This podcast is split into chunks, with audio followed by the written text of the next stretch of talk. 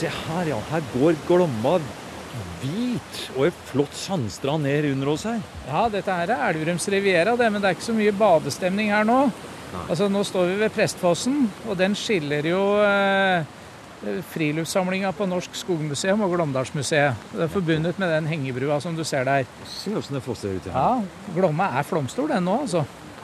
Så det er jeg har aldri opplevd noe sånt her. Jeg er jo født og oppvokst her på Elverum. Det er jo litt flott da, også ha disse to museene tett inntil hverandre her, og med den eh, flotte Glomma som løper igjennom der. Altså, hvis du eh, ser på antall museumskroner som brukes eh, her på Elverum i forhold til antall innbyggere i kommunen er 20 000, så er vel Elverum en av Norges, hvis det ikke er Norges museumsby nummer én. Ja. Så det er jo det er to store, flotte museer som ligger her. Ja. Det er det ingen tvil om. Se den flotte utsikten her med den sandstranda over hele Glomma.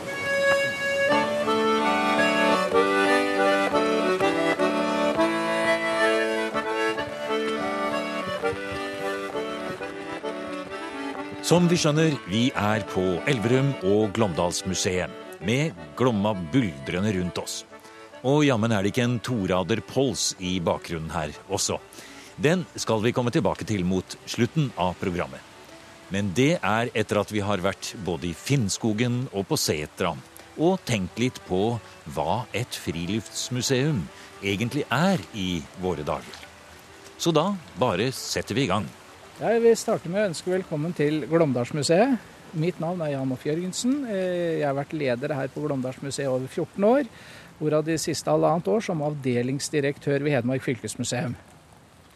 Og her, ja, nå går vi innover i regnet. Her går vi inn nå mellom to moderne museumsbygninger. Eh, og vi er på vei utover mot Friluftsmuseet, der vi skal eh, å si, være i dag. Men eh, det er jo helt feil å presentere 100-åringen Glåmdalsmuseet som kun et friluftsmuseum. Det ser vi når vi ser de moderne bygningene rundt oss her.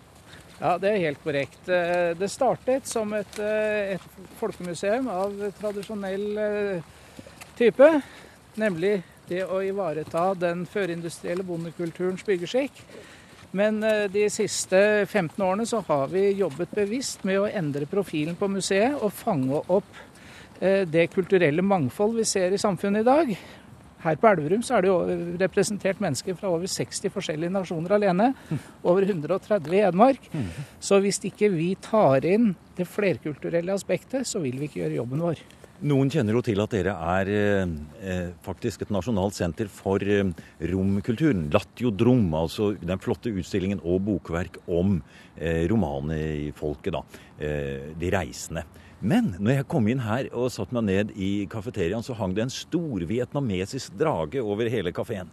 Ja, det er korrekt. Eh, Nå har vi begynt å rette fokus mot vietnameserne som en av befolkningsgruppene i Hedmark i prosjektet Vietmark, som skal eh, ta for seg eh, den vietnamesiske befolkningen i Hedmark, og hvordan de eh, holder i hevd sine tradisjonelle kulturuttrykk fra sitt opprinnelige hjemland. Altså Vietmark, det er altså Vietnam og Hedmark? da? Yes, det er helt korrekt. Ja, vi, det er spennende nok det, men nå, akkurat nå så skal vi gå innover i det som kanskje er det klassiske uttrykket her på Glåmdalsmuseet. Og det er selvfølgelig den store samlingen av, av eh, hus, trehus, setrer, andre typer hus. Og det ligger inne i et skogsområde. Jeg kan ikke se så mange av dem, men vi er på vei i regnet gjennom sølepyttene her og skal inn i, i skogen her. Og her er vi et, går vi inn i et stort område. Et eh, tradisjonelt, klassisk friluftsområde.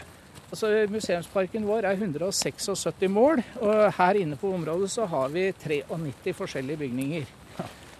Jeg vet ikke, Skal vi starte. Turen vår Ja, der det startet for 100 år siden? ja det. Det er rett her oppe. Går vi, går vi forbi Elverum kjøtt og delikatesse? Det er det siste gjenværende krigsprovisorium. Altså Elverum var jo en, eh, en rykende ruin etter Ja. bombinga i 1940. Og den var i bruk her i sentrum fram til 1984. Da ble den flyttet helt til Glåmdalsmuseet. Men eh, fortell litt om dette huset vi skal inn i, og som er det aller første, for, for altså Glåmdalsmuseets område det strekker seg jo egentlig helt fra ja, håper å si, det er vel nesten helt fra Røros og til Kongsvinger. Ja, altså hele Glåmdalen på en måte. Ja, det er fra Nord-Østerdals kommune helt på grensa til Sør-Trøndelag og til og med Kongsvinger. Så vi har samlinger Altså, vi er jo et regionmuseum for Østerdalen og Solør. Og de som anla museet i sin tid, de tenkte jo stort. For de tenkte at Glåmdalsmuseet skulle fremstå som en geografisk modell av dalføret. Og vi snakker om en strekning på 300 km. Og vi har i alt ni tun her.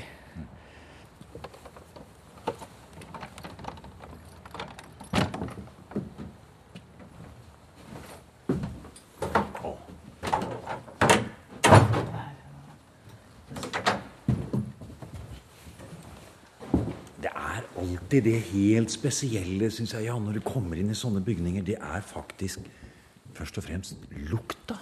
Ja. Her er det blitt fyra mye på peisen. Det kjenner vi på lukta, for det er antagelig den lukta som ligger her. Ja, det er eh, korrekt at her har det vært fyrt mye, men ja. ikke nå i dag. Av hensyn til brannfaren så er det kun noen få steder vi kan fyre. Så her fyres det ikke mer. Så eh, det her er da ei barfrøstue. Og det er en av de mest omdiskuterte hustypene i Norge. Altså barfrø mener man er avledet av belfray på engelsk, befra fransk, bergsfrid tysk. Og det betyr forsvarstårn. Så det er spunnet veldig mange dramatiske historier om den svalgangen med den loftsetasjen på. Eh, det er kanskje det mest typiske huset for Østerdalen. Han er kjent i Østerdalen fra fylkesgrensa mot Sør-Trøndelag i nord og til og med òg mot kommune. Ikke her på Elverum, så dette er den første barfrøstua som har stått på Elverum. Mm. Eh, Belfray det betyr jo forsvarstårn, som sagt, det, men det henviser til middelalderens steinarkitektur og de forsvarstårnene du fant på, på steinborgene. Mm. Så hvorfor begrepet har kommet hit, har ikke jeg noe svar på. Hvis det hadde vært et forsvarstårn, så hadde du ikke lagt klesloftet i annen etasje. Da hadde du lagt forsvarsverker der. Så det, det, stemmer ikke helt sånn bruk av begrep, men det er det som gjør huset spennende. Så øh, det er øh, den, finne, den, Hustypen finnes kun her i Østerdalen, så hvis vi skal ta frem ett hus og si at dette er Østerdalen, så er det Boifrøstua må bøye seg litt ned her når vi går ut og inn av dørene. Ja. Det er avdelingsdirektør Jan Hoff Jørgensen som viser oss rundt på Glåmdalsmuseet på Elverum.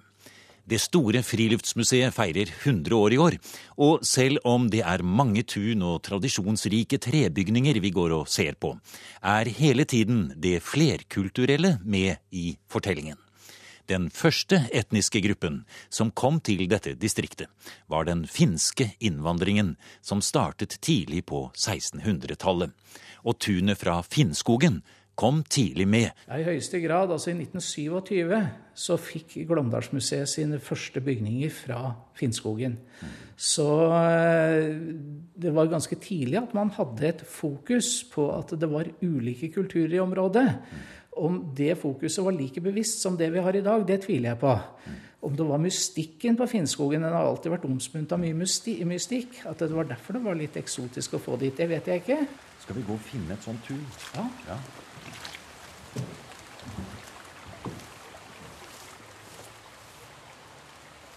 Altså, Skogfinnene er jo ikke de eneste som er, eh, av minoritetsgruppene som er eh, representert i Friluftsmuseet.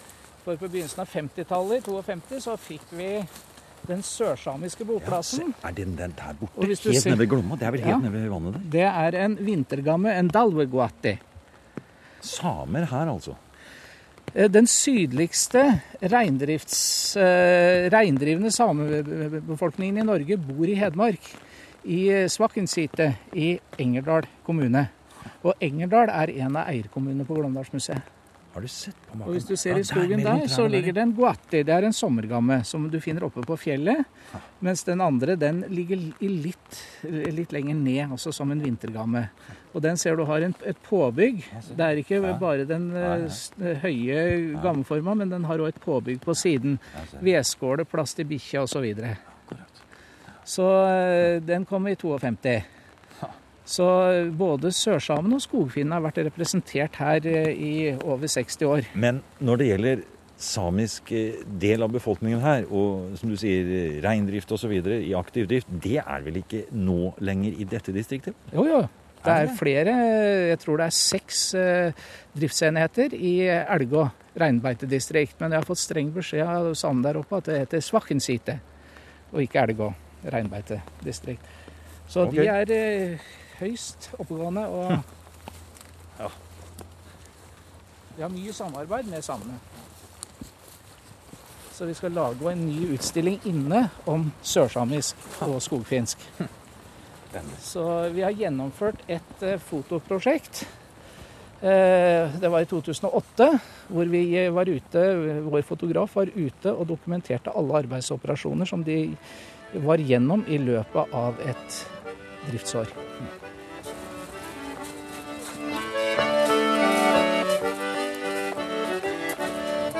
Da drar vi til Soløy, folkens. Det her, ja. Altså, liten kuriositet. Altså, den veien vi går på nå, ja. den heter eh, på museumsspråket her på Elverum rv. 3. Det er Tynset i nord, så har vi Aldal, Folldal, Os, og så nå har vi vært på Rendalen. Der nede ligger eh, Storelvdal. Nå skal vi skjære over Åmottunet og over Elverumstunet og forbi Solartunet og så inn på Finnskogen. Det er en, eh, en liten modell nesten av, av, geografien rundt oss her. Det var det som var tanken, at det skulle fremstå som en sånn geografisk modell.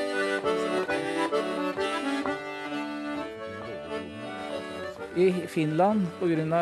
krig og hungersnød og litt forskjellig, så hadde man behov for å finne rett og slett nye leveområder. Så hertug Karl han inviterte finner fra Savolaks-Rautalampi-området til å slå seg ned i Värmlandsskogene. Og de første finnene altså eh, kommer vel hit rundt 1620. Helt på begynnelsen av 1600-tallet. Eh, for at de drev jo med svedjebruk, en veldig ekstensiv form for jordbruksdrift. Hvor de eh, hugg eh, ut skogen, lot den tørke, brente den ned og sådde tredje året. Og Så da var det rug de brukte? Det var svedjerugen, som ja. er spesielt tilpasset da den type vekstvilkår. Ja, Fikk de noen gode avlinger på den måten? da? Ja, det kunne være veldig god avkastning på svedjerugen. Okay, ja.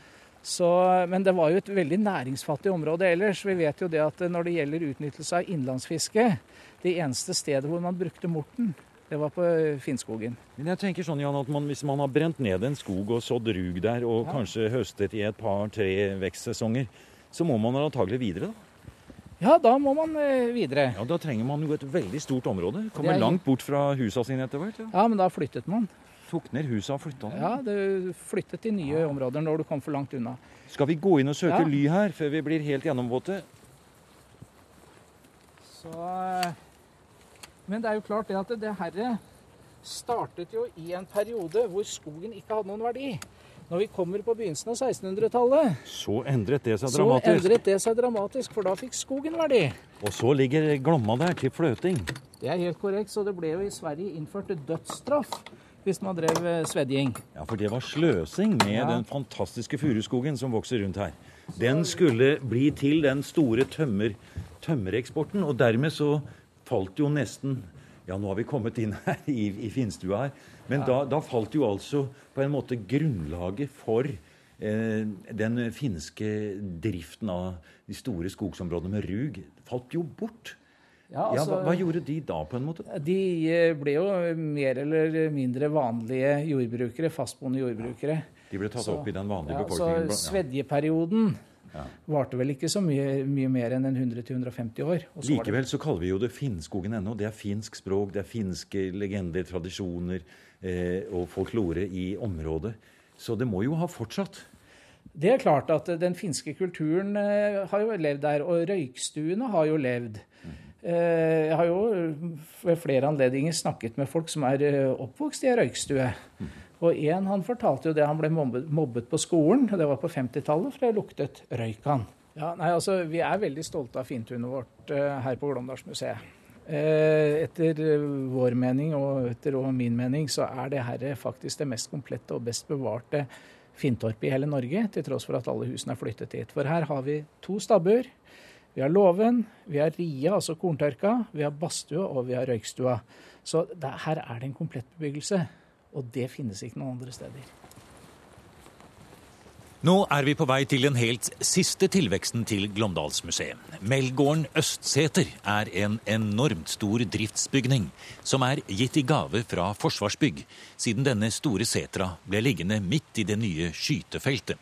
Og med en prislapp på 3-4 millioner kroner og et stort dokumentasjons- og flyttearbeid som har vart siden 2006, kunne prosjektleder Ola Mørkhagen endelig erklære prosjektet for fullført akkurat til 100-årsdagen for museet i sommer. Og én ting er helt sikkert, sier Mørkhagen. Hadde setra blitt stående, ville den ikke ha vart lenge, siden den lå i det Forsvaret kaller rød sektor i skytefeltet. Nei, det er jo der du ikke skal kunne oppholde deg uh, egentlig i det hele tatt når det pågår skyting. Fordi det er altså der du har uh, eksploderende prosjektiler. Og, Snakker vi om tanks, eller Eller stridsvogner, som vi sier i Norge. Ja, det er det. Og det er jo da, slik det har i hvert fall blitt i ettertid, der setter lå, så er det nå nedslagsfelt for stridsvogner. Men fortell, Ola, hvorfor ville Glåmdalsmuseet ha den, denne bygningen i tillegg til alle de andre bygningene? Hva er det ved denne bygningen som er så vesentlig at dere ville gå inn på et så stort arbeid og bruke det som en nesten en 100-årsmarkering av Friluftsmuseet? Ja, Det Han representerer jo en type seter som vi ikke har fra før. Eh, først og fremst i en størrelsesorden. Eh, vi står jo i et fjøs her nå som er 250 kvadratmeter og hadde opptil 60 kyr. Og det er jo til å være et seterfjøs, da. Helt enormt. Så, så, den følger jo på en måte et, et hull i, i samlinga vår, og han kommer jo da også fra Østerdalen, så Ja, Ja, altså Vi gikk jo forbi de andre eh, setrene vi hadde. Eh, den første Follandsvangen er jo fra en fjellgård, en liten fjellgård. Eh, så har vi disse her to Elverumsetrene som har ligget i skogen. Her har vi kommet til en seter som lå på var det rundt 800 meter. 680 meter over havet. Og dette her er en storgårdseter. Så den her dokumenterer òg noe av næringstilpasningen for de store skogsgårdene i Østerdalen. Så den representerer et helt annet sosialt sjikt enn de andre setrene våre. Nå har vi snakket om hvor stort Glåmdalsmuseet er, det store området som dere dekker. Men eh, nå er det jo sånn at Glåmdalsmuseet er en del av din, det nye Hedmarksmuseet, Hedmark fylkesmuseum. Og her har vi også med oss direktøren her, Harald Jacobsen. Du har fulgt med i regnet. Eh, og, og, vært med gjennom denne vandringen. Eh, og nå, som du hørte Jan Off Jørgensen her fortelle om hva han mener er verdien i å ha et friluftsmuseum, kan jeg kanskje gjøre spørsmålet enda mer prinsipielt til deg. Har vi i det hele tatt bruk for denne type friluftsmuseer og stadig oppgradering av dem, slik som vi ser her, i på 2000-tallet i Norge, hvor museene fornyer seg, og hvor det er alt mulig annet å tenke på. Hva skal vi da med disse gamle bygningene?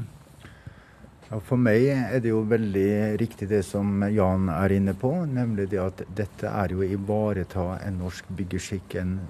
de forskjellige tilpasningene gjennom landskap, gjennom klasse og forskjellige typer aktiviteter som har vært drevet i det norske samfunnet. Så det i seg selv, å ivareta historiens dokumenter, er viktig. Jeg tror at eh, begrunnelsen for museene av denne typen har forandra seg veldig gjennom tid. Eh, fra å være identitetsskapere, drømmen om det tapte fortida osv., som var veldig sterkt da dette ble etablert, gjennom hamskiftet og fremover, til at i dag så er det med tror jeg, å skape veldig undring. Eh, en forundring over en annerledeshet i samfunnet vårt. Man skal huske på det at eh, som sagt, denne setra ble nedlagt på eh, rundt 1960. Og jeg tror de fleste mennesker som er født etter krigen, eh, har begynt å få veldig svake minner om hva seterbruket var for noe. Så her møter vi eh, nesten en slags eh, ny Når du går inn i dette her, så får du nok en helt annen undring, en tanke om dette samfunnet som har vært før. At det har vært i forandring. At det er en veldig forandring som har foregått de siste ti årene. Og jeg tror vi er helt avhengig i desto mer globalisering og internasjonalt samkvem, folkebevegelser osv., så, videre, så er det viktig også at vi bevarer noen av skal vi si, ankerfestene til fortida for vår egen kultur. Du sier fortellerkilder. Er det slik at man eh, forteller en annen historie i det man ser på friluftsmuseene eh, i Norge i dag, enn det man gjorde når de ble etablert for 100 år siden? Ja, det er klart man gjør det. Da var jo særlig bondekulturen som ble trukket fram som det viktigste. Ofte hadde man jo ikke husmannsstuene med. Det var bondestans, uh, storslagenhet i, si, å bevare Norge i unionstiden osv. som ble trukket frem. Men sakte, men sikkert så flyttet man jo skal vi si, verdiperspektivet til å bli folkemuseum, ikke bare for bondestand, men for å inkludere alle folkegrupper. Og dette handler jo ikke om å si, fortelle altså legge eller vrake de historiene vi hadde, men det handler om å legge nye lag opp på de historiene vi, vi utviklet til å begynne med. Bondekulturen kommer alltid til å være en viktig del av folkemuseene. Men nå er det ikke bare bondekulturens historie vi forteller. Nå er det husmannen, skogsarbeideren og det flerkulturelle samfunnets historie vi tar med oss den besøkende inn i. Helt i starten av programmet nevnte vi en pols på to rader, og den skal vi koste på oss nå.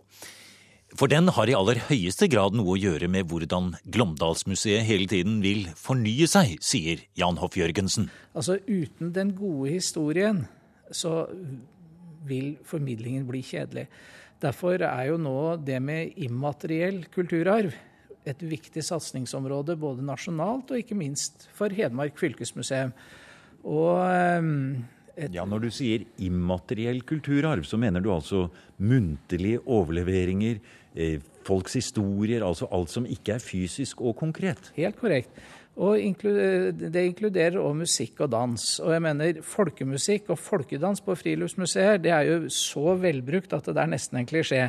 Men eh, her i Hedmark så har vi nå i samarbeid med Hedmark fylkeskommune fått opprettet den første musikkarkivarstillingen.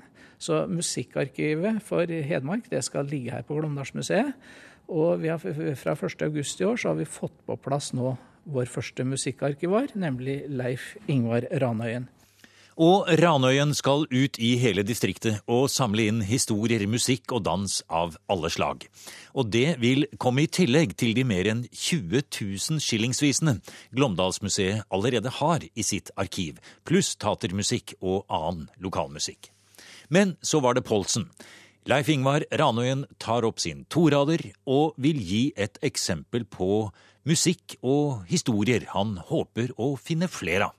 Så jeg tenkte å ta en pols nå som heter 'Kjøbenhavneren'. Og eh, hvorfor den heter 'Kjøbenhavneren' er litt uklart. Eh, det er to forskjellige teorier. Og Den første går ut på at eh, Røros Kopperverk hadde jo veldig mye med, med Danmark å gjøre, og, og kongen. Eh, og det var òg mange musikere som ble sendt ifra, eh, fra Røros og ned til Danmark for opplæring. Eh, og de mener da kanskje at de har tatt med seg den låten da hjem til Røros. Og Den andre teorien er at den kommer ifra Orvos. Det er ei lita bygd seks-sju kilometer nord for Røros. Og De påstår det at Orvos ble kalt for København før i tiden, for at det er så flatt i det området. Så hva vi skal tro mest på, det, det får være opp til noen andre. Det er København. Du